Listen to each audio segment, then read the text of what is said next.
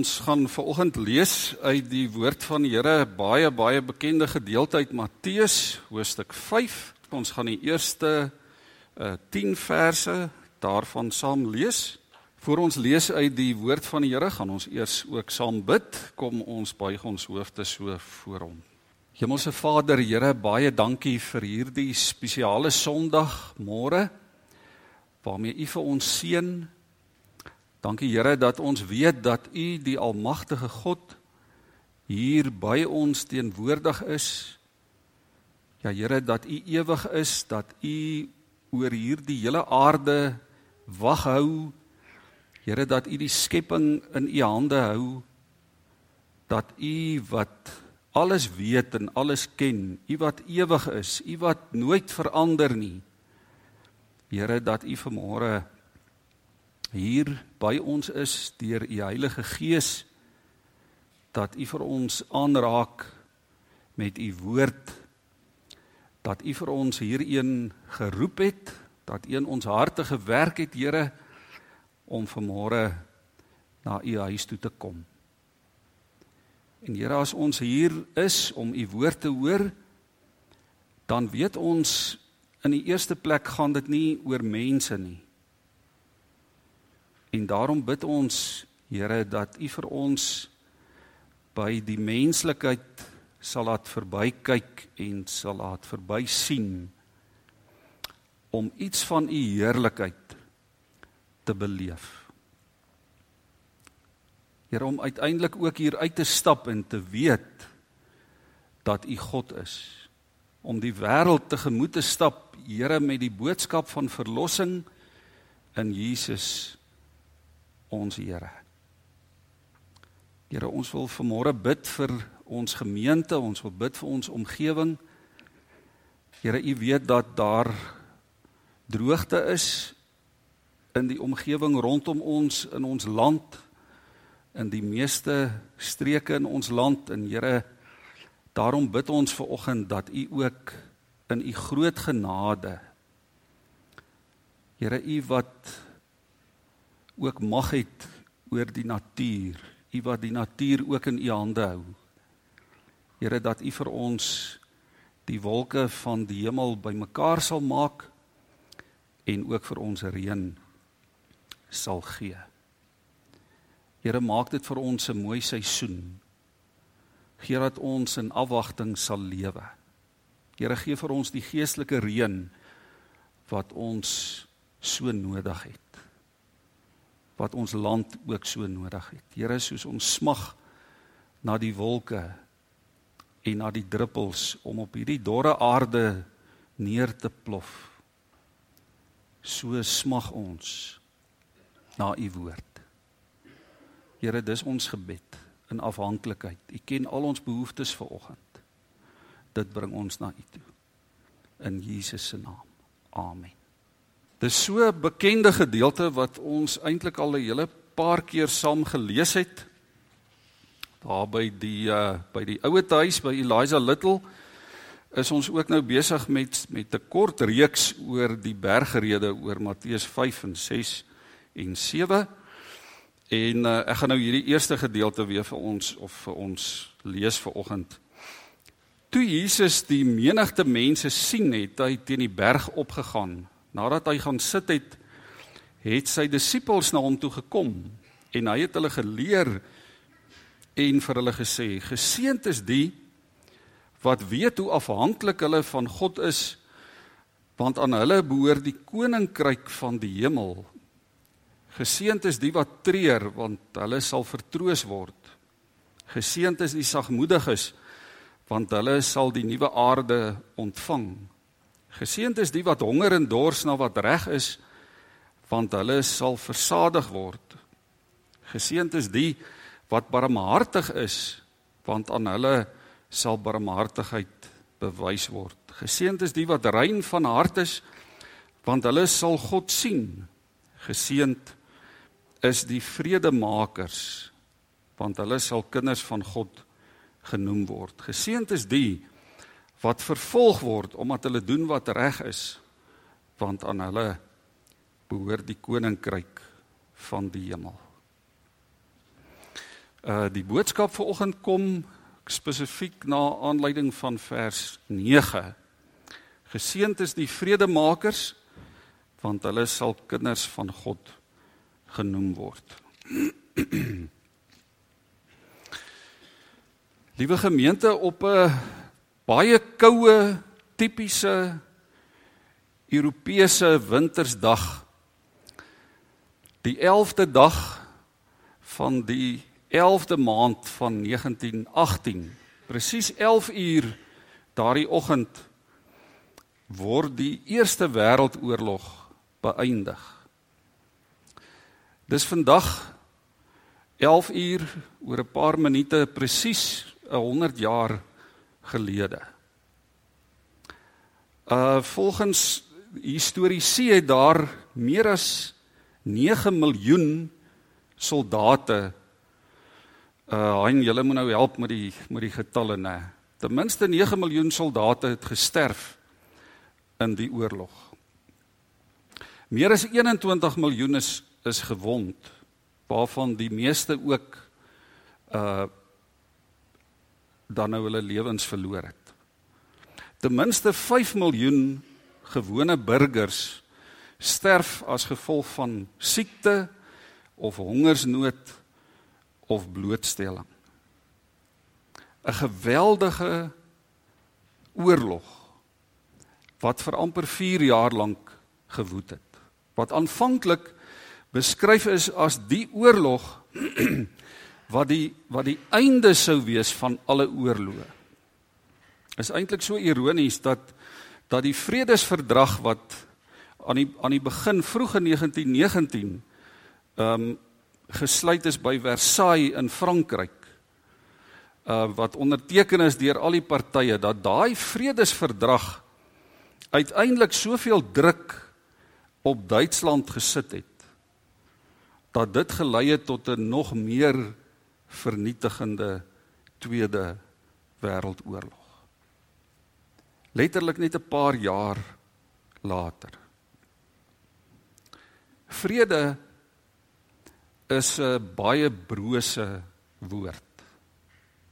Dis eintlik baie moeilik om om die woord vrede te definieer, om presies te sê wat vrede is.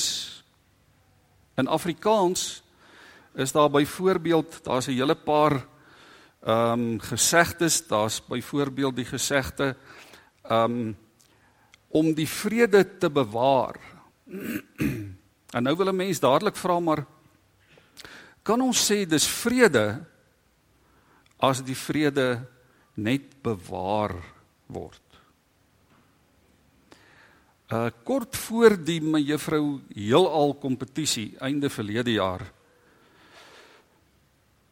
neem daai twee deelnemers van ekskuus van Israel en van Irak neem daai selfie met 'n met 'n selfoon en hulle post dit op Twitter met die woorde daarby liefde en vrede van mevrou Irak en mevrou Israel.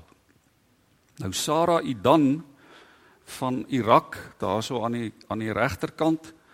Ehm um, sy en haar familie moes moes basies dadelik uit Irak uitvlug omdat hulle doodsdreigemente ontvang het, omdat hulle gevrees het vir hulle lewe, vir hulle lewens en dit omdat net omdat sy liefde en vrede verkondig het. Nou dis 'n brose woord, né? Nee. As ons dink oor vrede, en ons laat ons gedagtes 'n bietjie daaroor gaan. Ons ons soek na vrede. As ons ver oggend so vir my, na mekaar toe moet draai en vir mekaar moet vra dan dink ek gaan almal van ons sê maar ek het 'n behoefte aan vrede. Ek wil graag vrede in my lewe hê. Ek wil vrede in my gemoed hê. Ons het ons smag na vrede in ons families. Ons soek na vrede in ons gesinne in verhoudinge. In interpersoonlike verhoudinge soek ons na vrede, verhoudinge tussen volke en rasse. Ons soek na vrede in werksverhoudinge. In sake transaksies soek ons ook na vrede. Ehm um, baie keer vra mense ook nou hoe moet ek vrede maak met die met die dief wat my goed vat? Hoe moet ek vrede maak met die ou wat by my huis inbreek? Wat my karretjie steel daar by Pick n Pay? Hoe moet ek vrede maak met die makelaar wat my swaar verdiende beleggings in my pensioengeld laat verdwyn? Hoe moet ek met dit alles vrede maak met al die onreg en die haat en die korrupsie en die geweld en die vergrype, die verval? die doodslag in hierdie wêreld waarvan ons deel is. Hoe moet ek met dit alles vrede maak? Hoe moet jy en ek leef in hierdie wêreld waarvan ons deel is? 'n Wêreld vol moeilikheid en vol moeilikheid makers. Nou as ons mooi daaroor dink, ehm um, oor die algemeen dan gee ons dalk die meeste eer vir die ou wat die hardste kan slaan. As ons mooi daaroor dink. Ons gee die meeste eer vir die ou wat die hardste kan slaan. Dalk doen ons dit instinktief. Waarskynlik is dit is dit soort van 'n verdedigingsmeganisme wat wat in ons ingebore is, ook ook om terug te slaan, hè. As jy geslaan word, dan is die dan is die reaksie uh die meeste van die tyd om om terug te slaan of dalk terug te wil slaan. En baie keer doen ons dit op 'n op 'n subtiele manier. Um en nou gaan ek 'n ding sê wat ek wat ek weet baie ouens dalk glad nie van gaan hou nie. Um dis iets om om oor te dink. Miskien is dit tradisioneel ook deel van ons Afrikaner kultuur dat ons dit doen. Moontlik is dit so. Die digter Jan F. Eselje het 'n gedig uh geskryf waarin hy sê ek hou van 'n man wat sy man kan staan. En ek hou van 'n arm wat 'n slag kan slaan. 'n oog wat nie wyk wat 'n bars kan kyk. In 'n wil wat so vas soos 'n klipsteen staan. Hy het dit waarskynlik ook geskryf in 'n tyd toe dit moeilik gegaan het, nê. Nee. Toe dit met die Afrikaner in in ons land en in die wêreld moeilik gegaan het. Nou die geheim van die lewe as ons kyk na die Bybel en ons luister na Jesus en ons kyk na hoe hy opgetree het dan is die geheim van die lewe beslis nie om elke geveg en elke argument en elke konflik ten alle koste te wen nie. Jy en ek as kinders van die Here moet anders dink oor die lewe. In afhanklikheid van Christus die koning ons voorbeeld dink ons anders en ons doen anders dan sien ons die lewe nie as 'n kompetisie nie. Maar ons sien die lewe as 'n geleentheid om God en ons medemens te dien. Dan word dit die doel van ons lewe. Dit word ons roeping in hierdie wêreld. Dan leef ons volgens 'n nuwe stel reëls, volgens nuwe lewensbeginsels. Ehm um, Jesus het juis in hierdie wêreld kom staan tussen mense op hierdie aarde waarvan jy en ek deel is. Jesus het gekom om dit te beleef wat ek en jy beleef. Om die teenkantinge nog meer te beleef as wat ek en jy dikwels beleef. Om nog moeiliker omstandighede te beleef. Daar was baie mense waarvan waarteenoor Jesus die reg gehad het om nie van hulle te hou nie. Hy het nog meer beleef as wat ons beleef.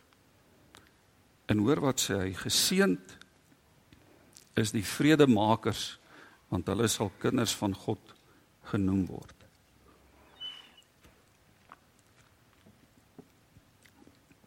Nou die woord vrede is 'n is 'n interessante woord. Um in die Ou Testament is die is die woord wat vir vrede gebruik word of is die Hebreëse woord shalom. Um en die diepste betekenis van shalom is om vrede te hê met God.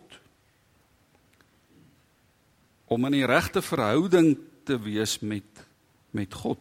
Shalom beteken ook bietjie meer uitgebrei mag mag daar heelheid en volledigheid en volheid en harmonie, vervulling, rus, sekerheid wees in jou lewe omdat jy 'n verhouding het met God. So in die in die Ou Testament sien ons dat God is die bron van vrede. God se belange is my belange. Ek soek God se wil vir my lewe. Dit was God se bedoeling van van die begin van die skepping af dat daar harmonie moet wees.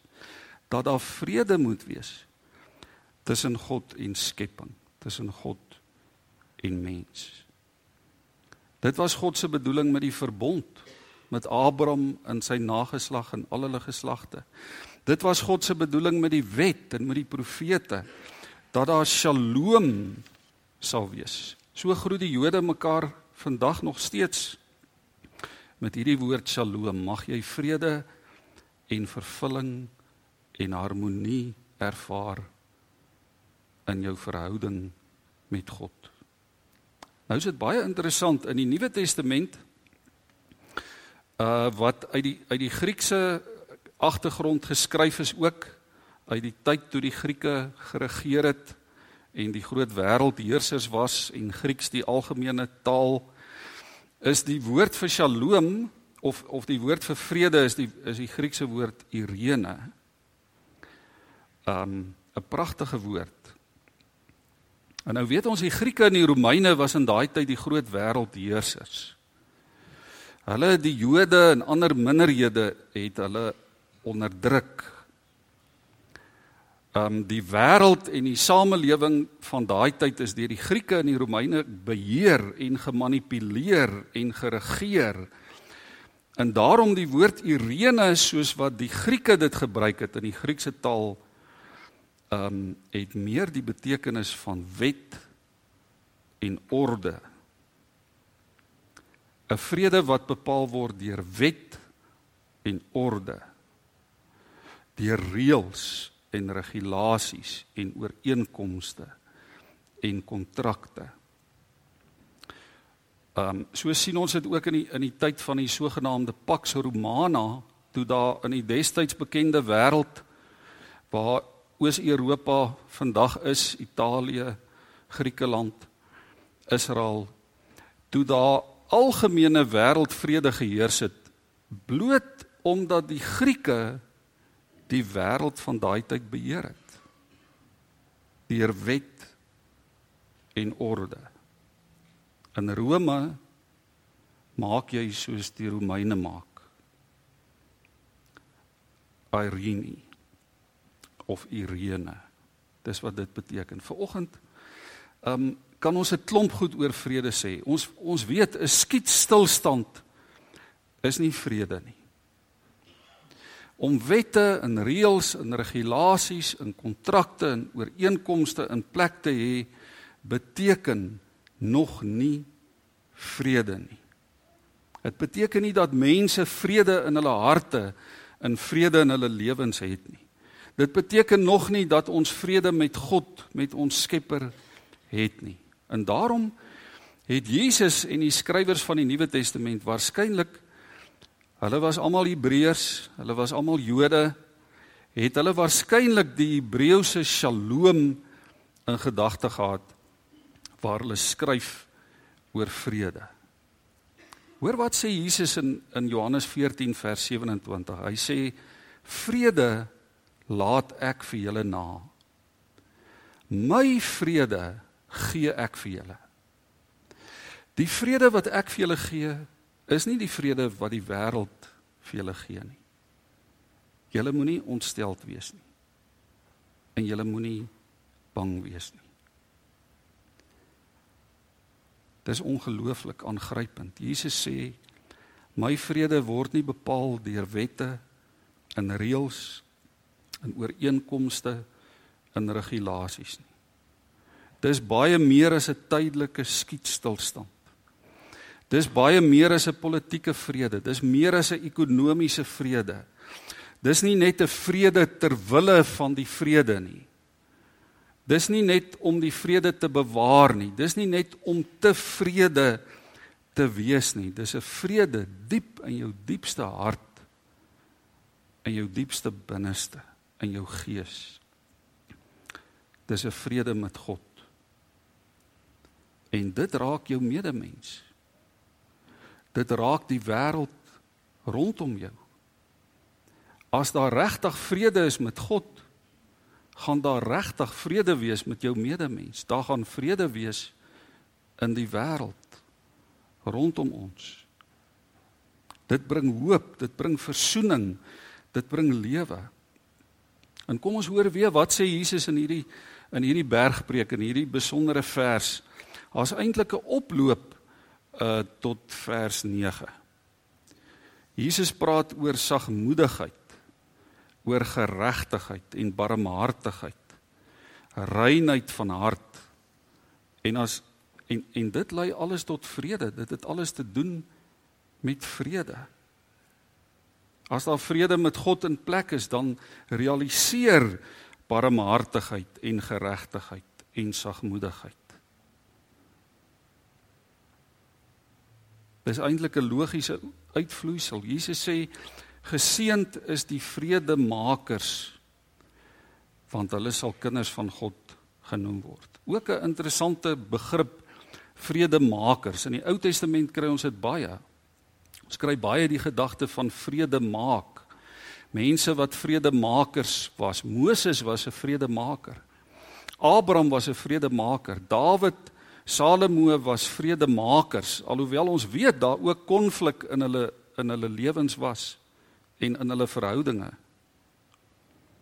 Die gedagte van vrede maak, maar net een keer kry ons hierdie woord in die Nuwe Testament. Net hierson Matteus 5 vers 9. Vrede makers. En Matteus skryf vir mense wat baie spanning beleef het in in die wêreld waarvan hulle deel was. Daar was hofsaake, Daar was konflik tussen individue. Die Christene is vervolg en verdruk as gevolg van hulle geloof. Daar was opstande teen die Romeine. En vir hierdie mense kom sê Matteus, onthou, onthou. Jesus het gesê ons moet vredemakers wees. Dit beteken nie druk jou kop in die sand soos 'n volstruis nie. Dit beteken nie laat God se water maar oor God se akker loop nie. Dit beteken nie smeer maar alles toe en bewaar maar net die vrede nie. Jesus sê as jou broer verkeerd opgetree het, gaan as vredemaker na jou broer toe, gaan ruim die onreg uit die weg, gaan klaar dit op.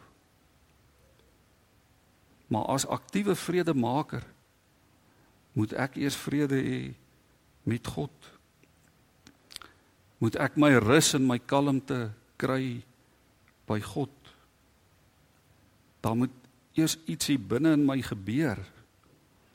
En nou weet elkeen van ons dit gebeur nie altyd nie. En dan nog nog voor ons daai vrede het of by God se voete gaan sit het dan kom die gedagtes en die woorde en die dade en ons slaan terug en antwoord terug en reageer en maak mekaar seer. Eers vrede met God, jy moet rus en kalmte kry by hom. Iets moet binne in jou gebeur. Vrede begin altyd by God as jy hom regtig ken, die verlossing wat hy gebring het, as jy dit aanvaar, sê die woord gaan ons weet wat vrede is. Filippense 4 vers 7 sê uh, Paulus ook hy bou nogal baie rondom vrede. Hy sê moet oor niks besorg wees nie. Maak in alles julle begeertes deur gebed en smeking en met danksegging aan God bekend en die vrede van God wat alle verstand te bowe gaan sal oor julle harte en gedagtes wag hou in Christus Jesus. Dis 'n ongelooflike vers met 'n met 'n klomp aksie woorde. Ehm um, as ek so vinnig kyk dan dan lyk dit vir my vrede kan nie losgemaak word van gebed nie. Vrede kan nie losgemaak word van smeking nie. Ook nie van danksegging nie. Kan nie los staan van 'n verhouding met God nie. As ek dit het en dis in plek dan gaan daai vrede wat alle verstand te bowe gaan is eintlik is eintlik bo natuurlik. Dan kan ek regtig lief hê. Ook iemand lief hê waar dit dalk menslik gesproke onmoontlik lyk en voel om lief te hê. Dan kan ek vergewe. Dan kan ek lewe. Hierdie vrede wat alle menslike verstand te bowe gaan. Paulus sê dit sal waghou oor ons harte en gedagtes. oor ons emosies oor ons denke, oor ons menswees, oor ons hele lewe in Christus Jesus wat ons voorbeeld is. Disippels van Jesus. Ons loop in sy voetspore. Ons volg sy voorbeeld. Jesus sê aan julle behoort die koninkryk van die hemel. Vrede maak is ook deel van die vrug van die Heilige Gees. As ons gaan lees na uh, wat Paulus sê in Galasiërs 5 vers 22 vrede. Die vrug van God se gees in elke Christen se lewe. En weet jy 'n mens wat nog nie nuut gemaak is deur die gees van God nie, ehm um, is so geprogrammeer dat ons vrede dat dat so 'n persoon vrede moeilik gaan verstaan. Vrede maak is nie 'n opsie nie. Dis 'n opdrag. Dis dis ons roeping in hierdie wêreld en tyd waarin ons lewe. Um in Markus 9 vers 50 ons weet ook hier in die bergrede sê Jesus hier in Matteus 5 um gebruik hy die die twee beelde van van sout en van lig dan sê hy ons as as disippels ons as sy volgelinge ons as mense van die koninkryk van God in hierdie wêreld is sout en lig. Ons moet die sout vir die aarde en die lig vir die wêreld wees. Nou daar in Markus 9 vers 50 stel Markus dit so. Hy sê sout is 'n goeie ding. Maar as sout sy krag verloor het, waarmee sal 'n mens dit weer sout maak? Julle moet werklik sout wees en in vrede met mekaar lewe. Sout wees en in vrede met mekaar lewe. Dit loop hand aan hand. Een van die kenmerke van sout wees in hierdie wêreld is die mate van vrede waarin ons met mekaar lewe. God roep ons daartoe. Hy roep vir jou en vir my om nuwe moontlikhede oop te sluit in 'n ou wêreld. Ek dink as as daar iets is wat ons as gemeente met ons kan saamvat volgende jaar toe en in die toekoms in dan se dan se hierdie gedagte. Nuwe moontlikhede in 'n ou wêreld. Die Here roep ons daartoe om liefde en vrede en geduld en genade en vergifnis na te leef. En so word dit sleutels wat nuwe moontlikhede oopsluit in 'n ou wêreld. Die verhouding met God in Jesus. Ons moet sy simbole van vrede wees. Ons kan nooit vrede maak met onvrede nie. Ehm um, en en daaroor kan ons baie lank preek. Die die oorsake van onvrede. Ehm um, ek dink ook in ons gemeente moet moet moet dit ons fokus wees. En daai onvrede kan baie goed wees. Dit kan ongeloof wees wat onvrede teweegbring. Dit kan 'n traak my nie agtigheid wees wat onvrede teweegbring. Dit kan vrees wees wat onvrede teweegbring.